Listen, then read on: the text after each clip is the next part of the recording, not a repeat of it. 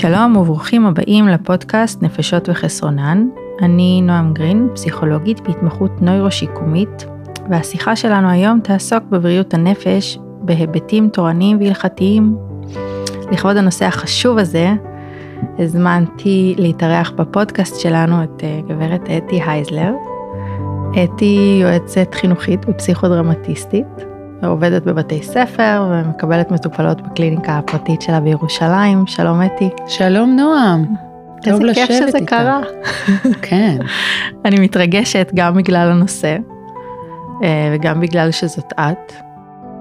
וגם בגלל בעיקר שמצאנו זמן באריג הצפוף הזה של אה, חיים נשיים אמהיים, לחטוף לנו איזה כמה דקות של לחשוב ביחד, זה נהדר. נכון, ואני מקווה שיש לנו מאזינות שגם uh, מרגישות את זה עכשיו, וגם מאזינים זה בסדר. Um, בואי נתחיל ישר מהשאלות הגדולות שלמענן התכנסנו. יאללה, בואי ננסה. Um, אז אני, אני מתחילה ככה מאיזשהו, uh, אני אספר לך על החוויה שלי כשאני חיפשתי uh, במאגרים תורניים את הצמד מילים בריאות נפש, או בריאות הנפש, ולא הגעתי ליותר מדי תוצאות. Uh, וזה הוביל אותי לשאלה אם זה בגלל שהתיאור של בריאות נפש הוא אחר, משתמשים במקורות שלנו במילים אחרות, או שאין בכלל עיסוק בנושא. זה, זה אפשרי? טוב, זאת שאלה מאוד חשובה ומורכבת לדעתי. אה, אני חושבת שיש הרבה עיסוק בנושא באופן אה, פרטי, אני, כל פנים באופן אישי, מתייעצת הרבה עם אה, רבנים, עם אנשי הלכה, עם אנשי חינוך, ושם יש קשב מלא והבנה עמוקה, הרבה מעבר למה שאני אפילו כאשת מקצוע חושבת.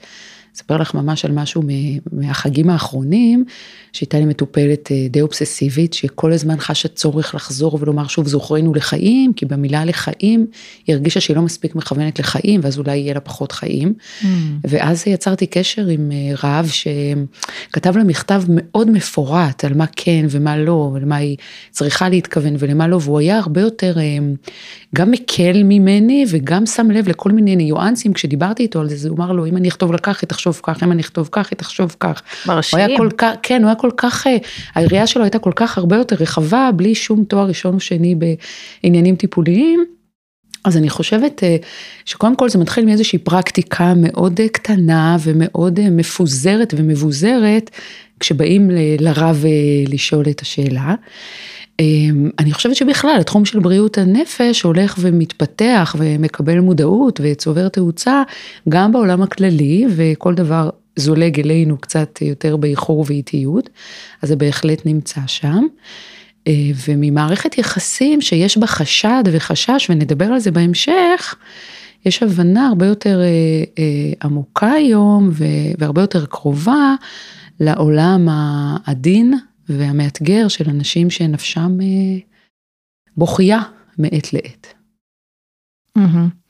אז הסיפור הוא סיפור מרגש ומרשים ומשמח. הוא לא גם. לא יחיד אגב, בחרתי אותו ממש כצימוק מתוך האשכול אה, הגדול.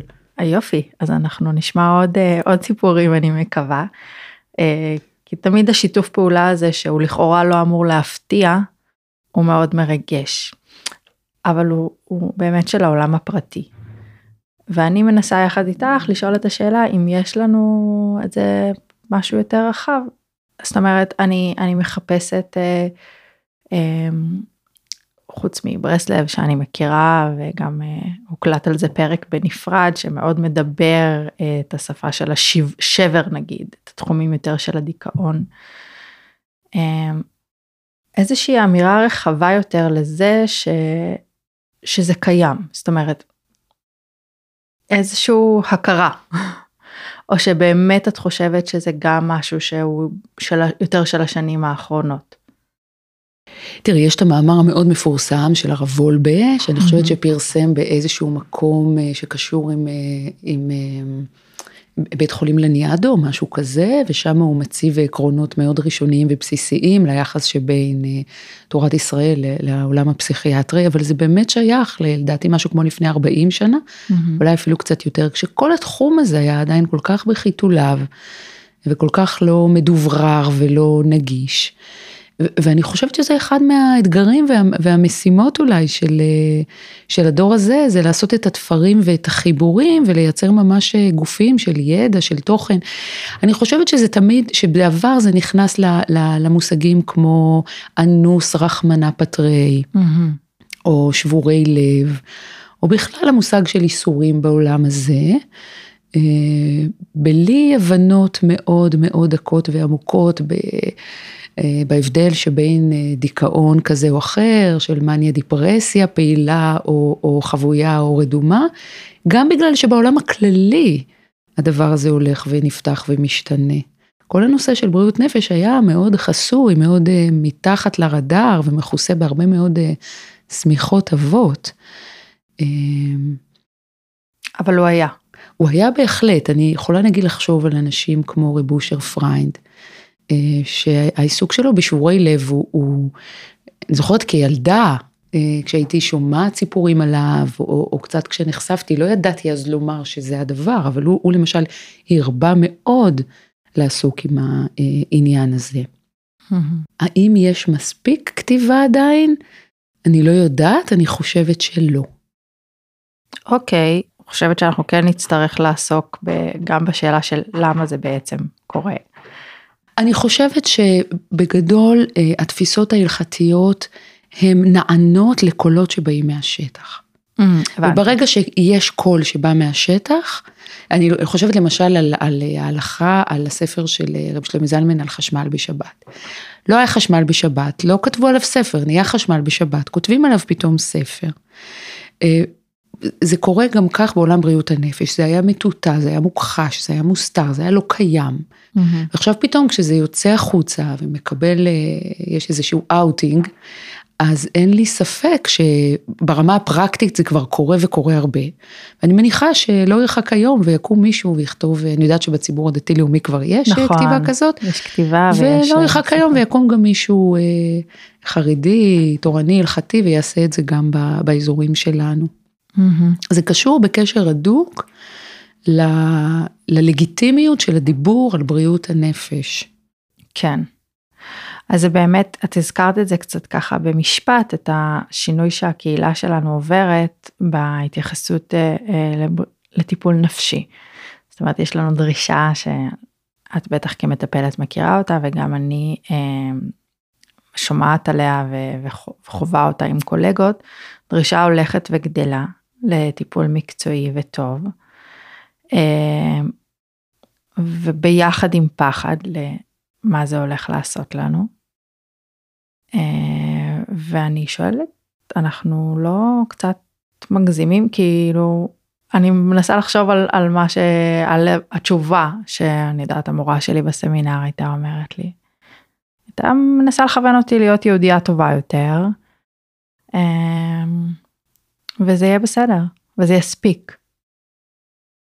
תראי, אני, אני רוצה להסתכל על הנושא הזה, אה, לאחוז את החבל בשתי קצותיו. מצד אחד זה נפלא ונהדר שהעולם של בריאות הנפש ושל מקום לנפש ולעולם של הרגשות והחוויות והחרדות והתשוקות והפחדים, שכל העולם הזה נפתח ונעשה יותר מדוברר ויותר מואר, ו, ואור השמש, כן, מחטא את, אה, את הפצעים ואת הכאבים הקשים. מצד שני, גם זה חלק מאיזשהו שיח שקצת השתלט על העולם, אה, ובמסגרת השיח הזה הרב אה, קצת הוסט הצידה, mm-hmm. ובמקומו הרב החדש, הגורו החדש, הסלב החדש, הוא הפסיכולוג או הפסיכולוגית. אה, לא תמיד יש לתהליך הזה השפעות שהן רק מיטיבות. פגשתי לא מזמן את אחת המורות אה, ותיקות ואהובות עליי מאוד בסמינר הישן, ככה אישה שמשלבת באמת סוג של רבנות נכבדת עם איזה אה, גבהות אה, נפשית, עם, עם, עם רוח האדם ורוח האישה היהודייה הגדולה. והיא אמרה לי די בצער, תקשיבי, אני מרגישה שאני הולכת ומאבדת קשר עם הבנות, כי כל הזמן בכל ההשתלמויות ובכל השיחות ובכל ההדרכות, הם מנסים שאני אהפוך ליועצת, ואני לא יועצת. Mm-hmm. אני יודעת לדבר נפלא על ערכים, אני יודעת לחוות אותם, אני יודעת לבכות כשאני מדברת על עמידה לפני השם ועל uh, הכנה לראש השנה ועל צניעות ועל עבודת מידות. מה לעשות? והיא הייתה ממש במצוקה, עכשיו הייתי תלמידה שלה, כן, היא הייתה יכולה נראה לי להיות סבתא שלי. ועמדתי שם ואמרתי לה, המורה, את לא צריכה להיות יועצת. את חייבת להישאר המורה שלה, ש, שלי ושל כל הבנות שעוד תבואנה.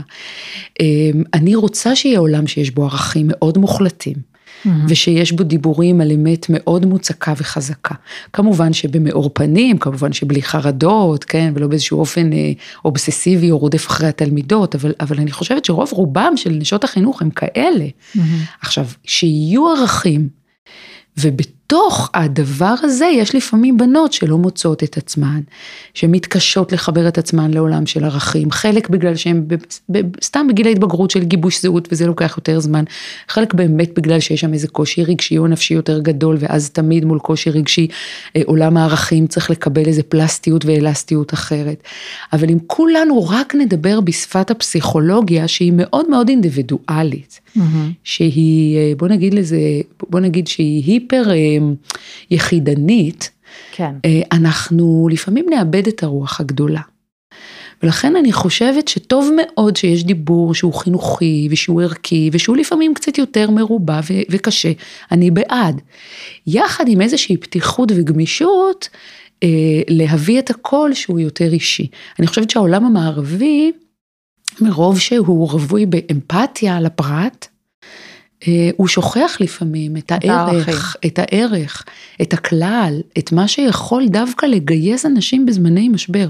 תראה, אני רואה המון בעבודה הפרטית שלי, כמה הערך הרוחני, כמה החיבור לתורה, גם כשזה קשה, גם כשזה מאתגר, מרים אנשים מהקרשים. כן. ודיבור שהוא רק אמפתי ורק מתחשב במקום האישי שלך, בעיניי, לוקח כוח. קצת, קצת אני מרופף. חושבת ש, שמה שאני, אני מסכימה עם אה, חלק גדול מהדברים שאמרת, וכל הזמן בראש שלי יש ככה אה, אה, ציפור קטנה שקופצת ואומרת DSM, DSM, DSM, ובאחד המרואיינים, שאני לא אזכיר את שמו כי אני חושבת שהפרק שלך יעלה לפני הפרק שלו, שאלתי אותו באמת על, על, על פתולוגיה, לא על בריאות נפש. הוא אמר, כל הפתולוגיה זה, זה התרחקות מהנפש והתחברות לנפש, וזה היה לי נורא קשה להסכים עם זה. זאת אומרת, אני, אני שומעת את מה שאת אומרת, ואני חושבת שזה מכוון אה, יותר לפסיכולוגיה, לטיפול פסיכולוגי כ, כפריבילגיה. כמישהו שהולך ומרגיש שלא מאוד נוח לו, ושם צריך מאוד מאוד להיזהר, לא, לא יודעת, לא להרוס את מה שכן יש. אבל מה אנחנו עושים עם מצבים פתולוגיים אמיתיים, שאנחנו כן צריכים אה, לנסות לחבר אותם לעולמות רוחניים, או להתעלם מזה בכלל, יש ככה, את יודעת, גישות שונות לגמרי. ואיך שמה אנחנו אה, מתחברים או לא מתחברים לעולמות רוחניים. אני חושבת שזה מאוד מאוד תלוי במטופלת שיושבת מולנו. Mm-hmm. יש כאלה שכל מילה רוחנית עושה להם גרדת מצויה. ואז את מבינה שהאזור הזה הוא כרגע לא נגיש, mm-hmm. ואת לא שם. ויש מטופלות, במיוחד בשלבים המתקדמים של הטיפול, אמ, שהאזורים האלה הרוחניים, הערכיים, היהודיים, פשוט הם מפרים אותם, מפרים את אדמתם וגורמים להם לאיזושהי התעוררות אה, אה, מחודשת. זאת אומרת גם בעולם של פתולוגיה ממש בוודאי, ב- בוודאי, בוודאי, אני, אני יכולה לתת לך אה, אפילו דוגמאות לדבר mm-hmm. הזה. עכשיו הרבה פעמים מגיעות בנות עם איזושהי אנטיות, או איזושהי חוויה ש...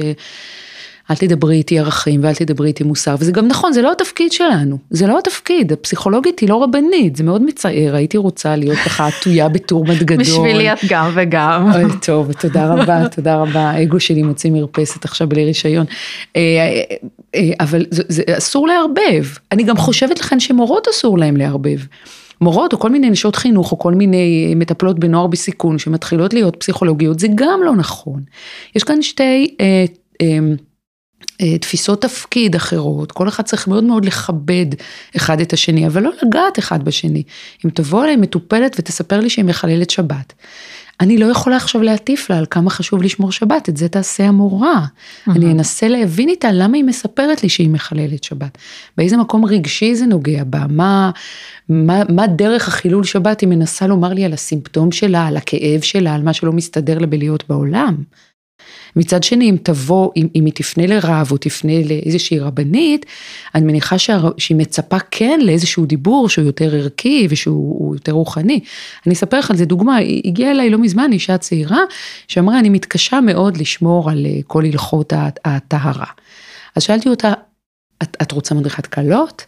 את רוצה לראות איזה שהם, אה, אני יודעת מה, הקלטות של אה, רבניות בהידברות, למה את זקוקה? כי אני לא הכתובת, אם את רוצה לשמור על הלכות הטהרה, זה לא אני, אני לא מדריכת קלות, אז היא אמרה לי, לא, אני רוצה לשמור, אבל אני מבינה שיש משהו נפשי שחוסם אותי. היא מטופלת מתנה. היא הגיעה לך שהיא כבר מבינה כן, את המשהו הנפשי שחוסם אותה. קורה. עכשיו אני חייבת להגיד לך שאני כאילו במפגשים הראשונים כל הזמן נעתי שם בין התשוקה שלי להתחיל להרביץ בה את כל עקרונות ה, היופי שכן שבחיבור הזוגי כל הידע הרוחני שלנו. כן וזה היה ממש כאילו לכלוא את זה לעצור וזה להגיד לא אבל זה לא התפקיד שלך עכשיו בכלל.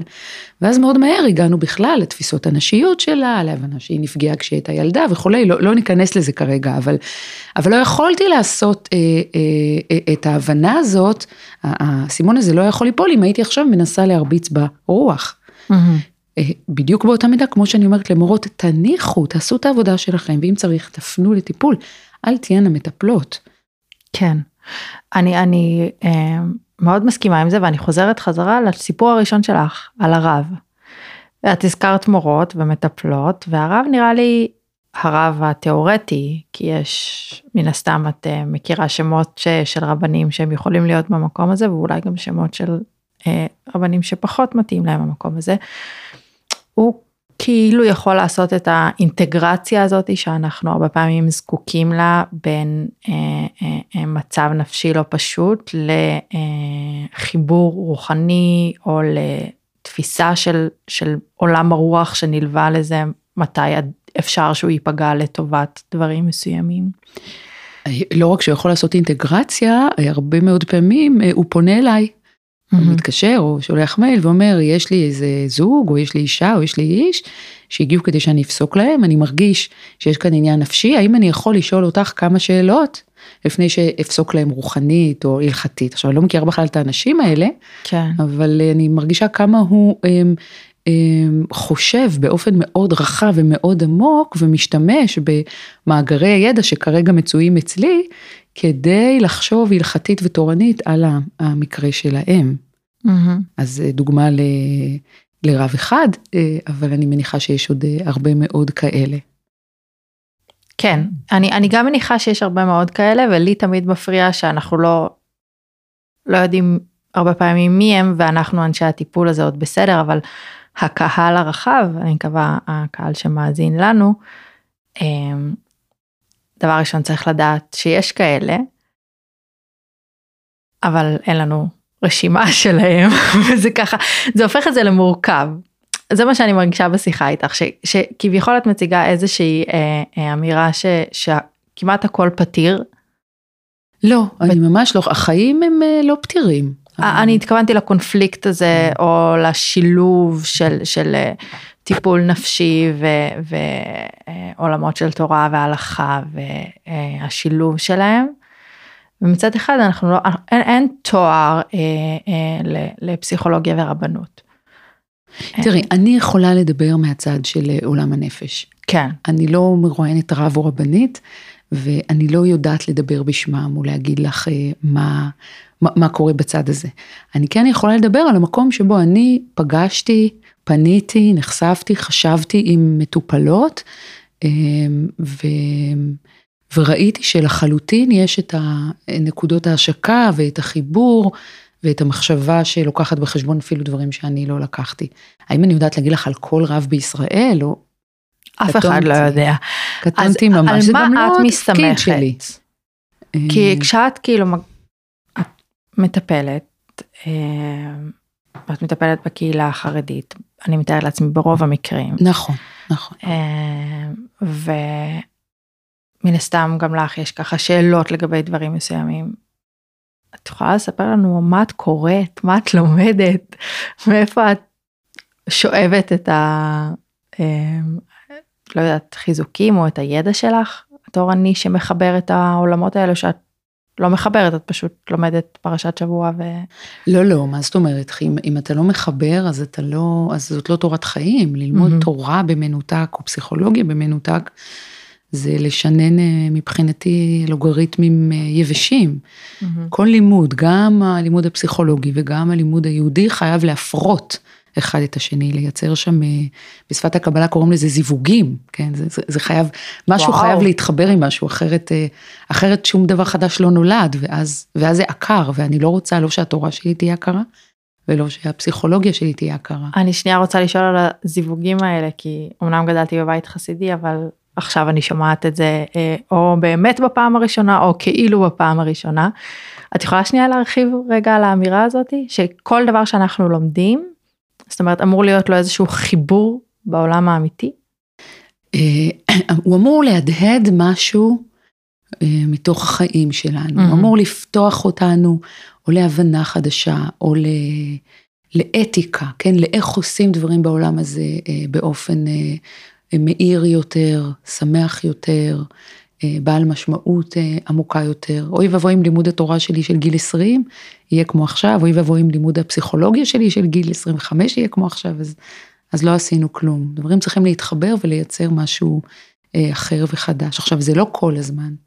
ויש הרבה פעמים ששוברים את הראש בקיר, לומדים משהו ולא מבינים ולא רואים איך זה מתחבר ואיך זה הולך ביחד, אבל זאת צריכה להיות ה... המגמה והכיוון. חסידים מדברים הרבה על אה, להעלות ניצוצות מתוך הקליפות. Mm-hmm.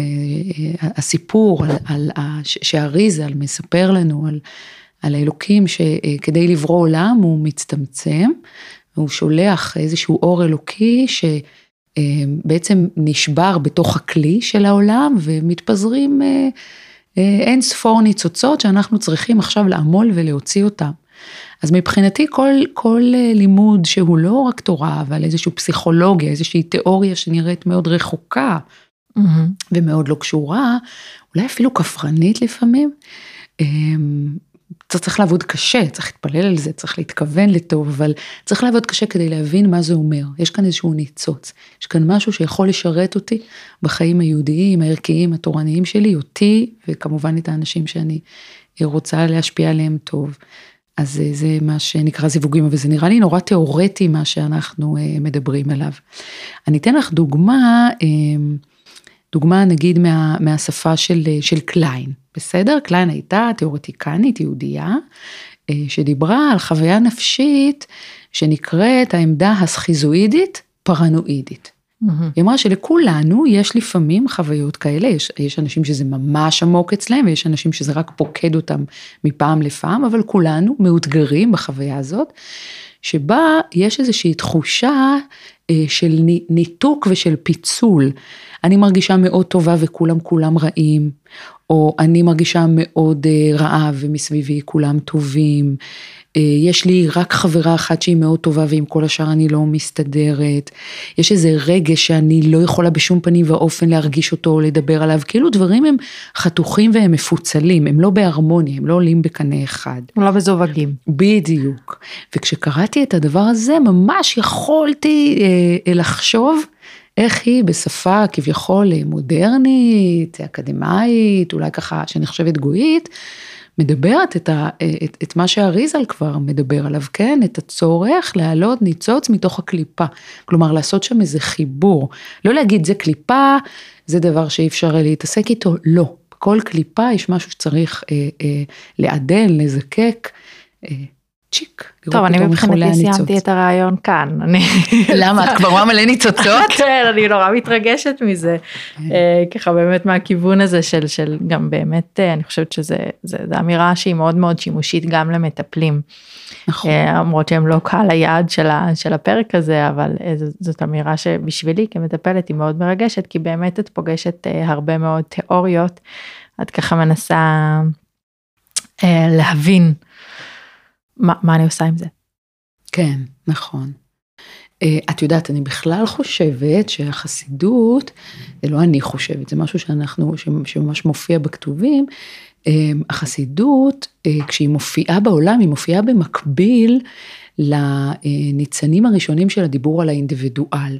אם בעולם הכללי יש לנו פתאום את אה, רוסו שמדבר על זה שצריך להסתכל על נפשו הרכה של הילד mm-hmm. ועל לחנך את הילד, אה, הוא, הוא כותב לראשונה ספר שמדבר על חינוך אינדיבידואלי שרואה את המורכבות ואת הייחודיות של כל ילד, במקביל ולהבדיל, ממש סביב השנים הללו, אה, בעצם החסידות לוקחת את כל הרעיונות הקבליים שמדברים על מה קורה בעולמות העליונים. ו... צועדת עם זה עוד צעד ואומרת, כל מה שקורה בעולמות העליונים, כל התיאוסופיה, כן, mm-hmm. תיאו זה אלוקים, סופיה זה חוכמה, כל החוכמה האלוקית שקורית בעולמות העליונים, מידת הדין, מידת הרחמים, גבורות, ממתקות, אה, אה, אה, רחמים ממתקים, גבורות וכולי, כל מה שקורה שם, בעצם קורה גם באדם, בעולמו הפנימי, והחסידות עושה פסיכולוגיזציה לכל הדברים האלה ואומרת כל זה נמצא בתוכך. וואו. כל הגבורות שנלחמות ברחמים, כל הניצוצות שנופלות בתוך הנפש שלך ואתה צריך להעלות אותם, היא מתחילה לדבר על ההתרחשויות האנושיות בליבו של האדם. אה, אה, זה בעצם ה... אה, הנקודה הראשונה שבה הפסיכולוגיה נולדת לגביי לפחות, ויש היום הרבה כתיבה והרבה מחקר על זה, שאפילו פרויד יונק, כן, נחשב אבי אבות הפסיכואנליזה, יש דורשים לשבח, יש דורשים לגנאי, שתיהם צודקים, גם המשבחים וגם המגנים, כן. לכולם יש מקום. אמ, אה, אבל אה, אה, שפרויד בעצם יונק חלקים מאוד גדולים מהמחשבה שלו ממקורות חסידיים, מבעל התניא למשל וכולי, לא ניכנס לזה. אני גם לא בעד אלה שחוש... שחושבות שחייבים על כל ציור של פוע דוב לצייר כיפה. ולהגיד כל מה שפרויד אמר זה יהודי. אני לא יודעת, אני לא שם, זה לדעתי לפעמים בא מאיזושהי, או חרדה מאוד גדולה מפסיכולוגיה, או מנחיתות, כאילו העולם היהודי אין לו, לא די לו במה שיש לו, שהוא צריך עכשיו לגייר את הכל. כן.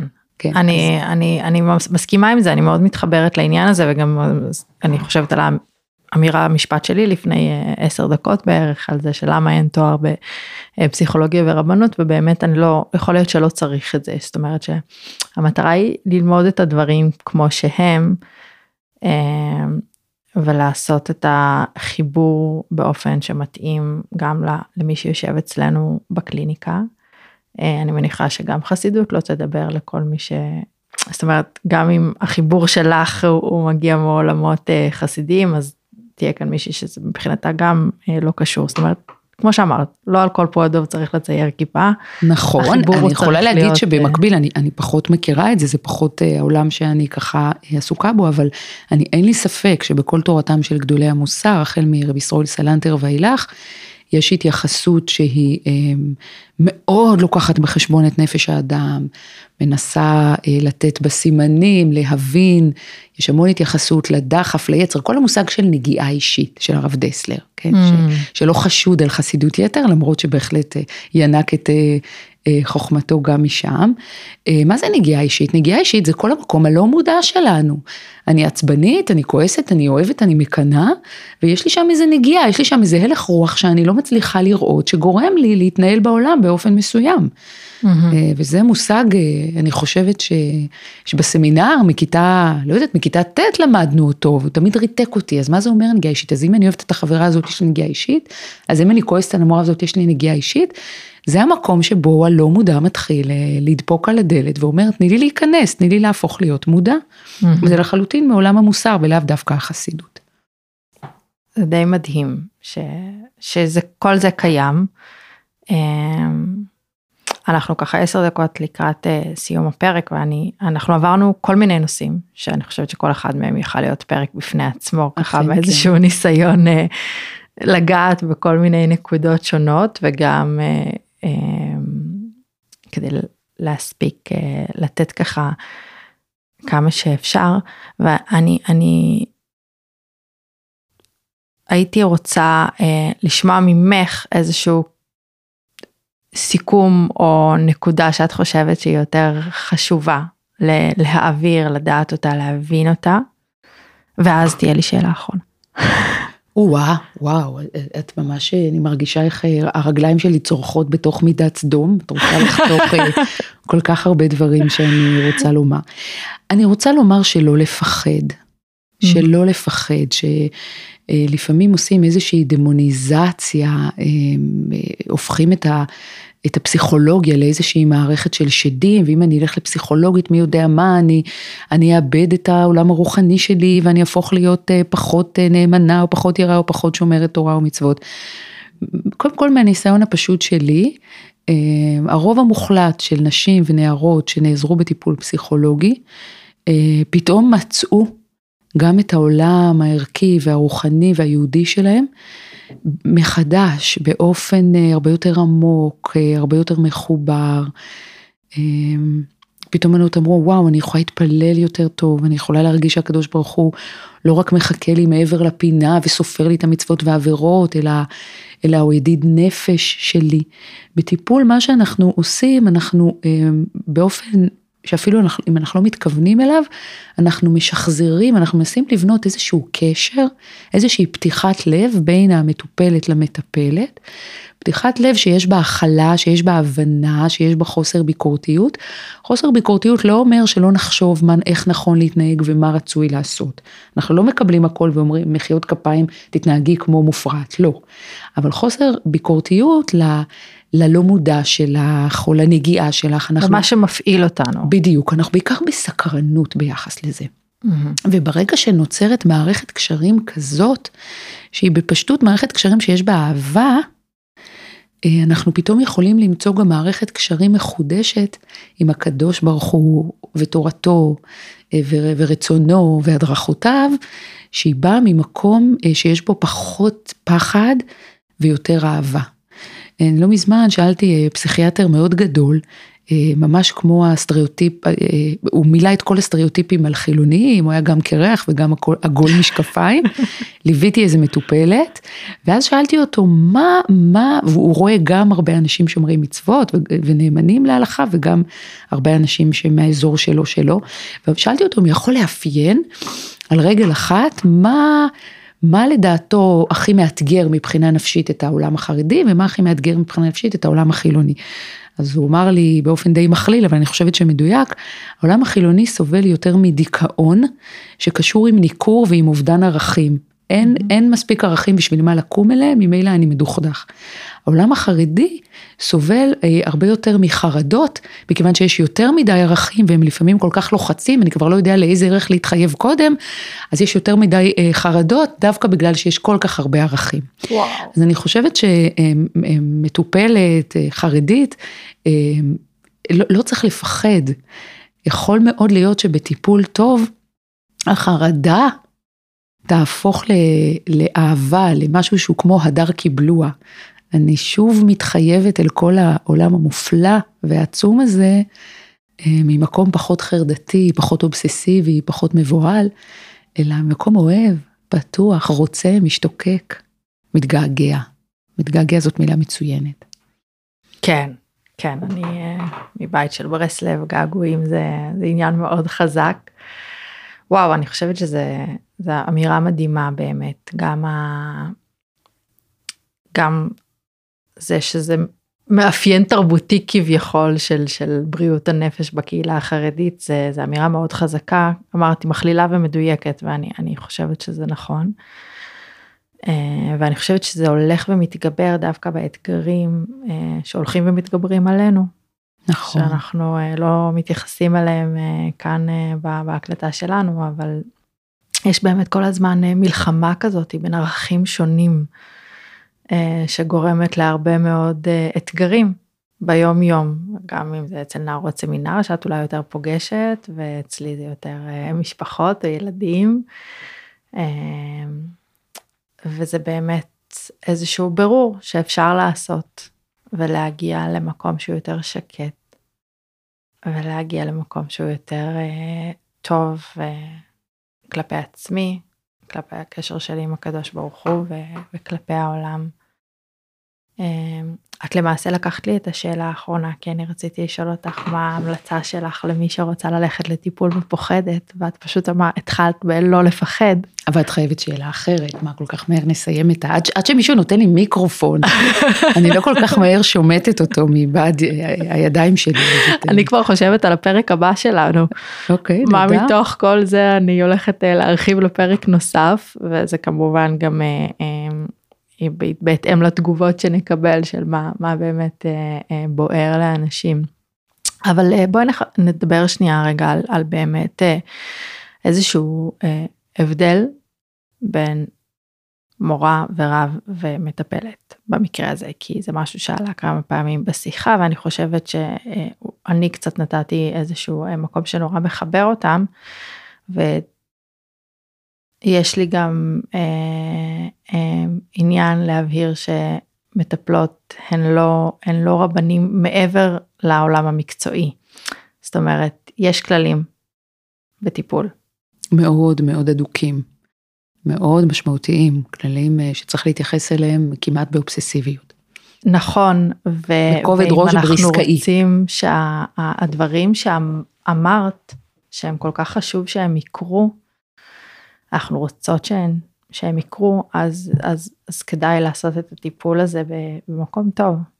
ומקום טוב אני חושבת נבחן אה, גם על ידי הכללים שלו והעמידה. אז אני אשמח אם ככה תעזרי לי להרחיב את הנקודה הזאת בלי לפגוע כמובן באף אה, אה, מטפל או מטפלת פוטנציאליים שפחות שומרים על הכללים. אוקיי. Okay. אה, מטפלת טובה היא קודם כל מטפלת שמאוד בקלות מספרת לך מה היא למדה ויכולה להראות לך את התעודות שלה. אה, לא ייכנס לכל דקדוקי העניות כרגע של אה, פסיכולוגיה קלינית כזאת או אחרת, או תרפיה בהבעה וביצירה, או עבודה סוציאלית קלינית, אבל מטפלת שיודעת להגיד לך מה היא למדה, ואת יכולה לשאול אותה על זה בחופשיות. היא מטפלת שמאוד ברור לך מתי תיפגשי איתה. סדר הזמנים אה, אה, מאוד מסודר ומאורגן לתוך משבצות אה, שאת ממש יודעת עליהן אה, מראש. היא מטפלת שלא מטפלת במקביל, לא באחיות שלך, לא בגיסות שלך, לא בדודות שלך. היא מטפלת שלא מנסה לסדר לך את החיים בחוץ. שהיא אומרת, טוב, אני אדבר עם המורות שלך, טוב, אני מכירה את הסבתא שלך, טוב כך, טוב כך, היא לא קרובת משפחה שלך, לרוב היא גם לא שכנה שלך. היא מטפלת ששייכת לתחום מאוד מאוד צר ומסוים של פעם או פעמיים או שלוש בשבוע בתוך הקליניקה. לפעמים יש מטפלות שיכולות לשבת עם מטופלות שלהם בבית קפה, אבל שוב, זה גם מאוד מאוד ברור בתוך setting מסוים, בתוך החלטה אה, מאוד ברורה איך עושים ו, וכמה עושים. אה, היא מטפלת שגם אם היא לא חובשת את אותו טורבן שאת חובשת, או הפאה שלה קצת יותר קצרה או קצת יותר ארוכה מהפאה שלך, את עדיין מרגישה מאוד מאוד בחופשיות להביא את העולם הרוחני והפנימי שלך בכלל, ואת מרגישה הרבה כבוד אליו. בלי שהיא מבקרת אותך, בלי שהיא מחנכת אותך, לא לצד של הפרומקאית ולא לצד של הקולה, היא מנסה ביחד איתך להבין מה טוב לך, מה נכון לך, איך עולם הערכים שלך יכול לעלות בקנה אחד עם העולם הרגשי שלך. היא מטפלת שגובה כסף, גם אם אין לך כסף, ואת נמצאת בתוך איזשהו מרכז ש, שמישהו איכשהו לוקח את הכסף, אבל אפילו גובה סכום סמלי, מטפלת שלא מבקשת ממך שתתני לה טובות הנאה, וגם לא נותנת לך טובות הנאה מעבר לשעה הטיפולית. אמ, והיא מטפלת שאת יודעת שהיא תגן עלייך ושאת מוגנת אה, אצלה. המערכת הזאתי, זה מה שאת מנסה להגיד, אם אני מבינה אותך נכון, היא מערכת שבאה להגן. בהחלט. על המטופלת ועל הטיפול עצמו. בהחלט. כל הדברים האלה ששוחחנו עליהם עכשיו כמעט 40 דקות, שככה נשמעים מדהימים ואיזה יופי, ואני אלך לטיפול ואני גם ארגיש פחות חרדה וגם מתחבר יותר אה, אה, לסביבה שלי או למשפחה שלי ובהיבטים הרוחניים, הם אה, צריך שהם יקרו במסגרת טיפולית שהיא מסגרת. מאוד שומרת, מאוד מאוד שומרת. מטפלת שתמיד זמינה לך לטלפון, ויכולה לדבר איתך שעות בטלפון, זאת לא מטפלת מספיק מקצועית. יכולה להיות מורה, או דמות תורנית, אבל לא ונהדר, מטפלת. ונהדר, ואני כן, חושבת כן. שצריך כאלה, כן? אבל אה, לא מטפלת, לפעמים מטופלות מאוד אה, מתעצבנות, הן רוצות כן. שהמטפלת תהיה מאוד זמינה, והן אומרות מה אני משלמת לה, אבל זה באמת נושא לשיחה אחרת של setting ושל כללי טיפול, אבל זה בהחלט מאוד חשוב. אם אנחנו מדברים על הלכה, אז יש הלכות מטפלים שצריך להחמיר ולדקדק בהם, ולעשות עליהם תשובה בהרכנת ראש, בחיל, ברעדה ובזיע, כשזה לא קורה. צריך כן. לקחת את זה ממש בחשבון. ואם את מרגישה שמשהו לא נכון לך ולא מדויק לך, את צריכה לשאול את המטפלת, את צריכה להרגיש נוח, לומר לה, היה כך, היה כך, לא נוח לי עם זה. אם את מרגישה שאת חוששת מהמטפלת, זה איזשהו אה, אה, תמרור אזהרה. אז תדברי איתה על זה שאת חוששת ממנה. אבל כל הלך רוח שעולה בך, את צריכה להרגיש מולה שאת יכולה אה, להיות איתה מספיק פתוחה וכנה וגלויה. מהמם.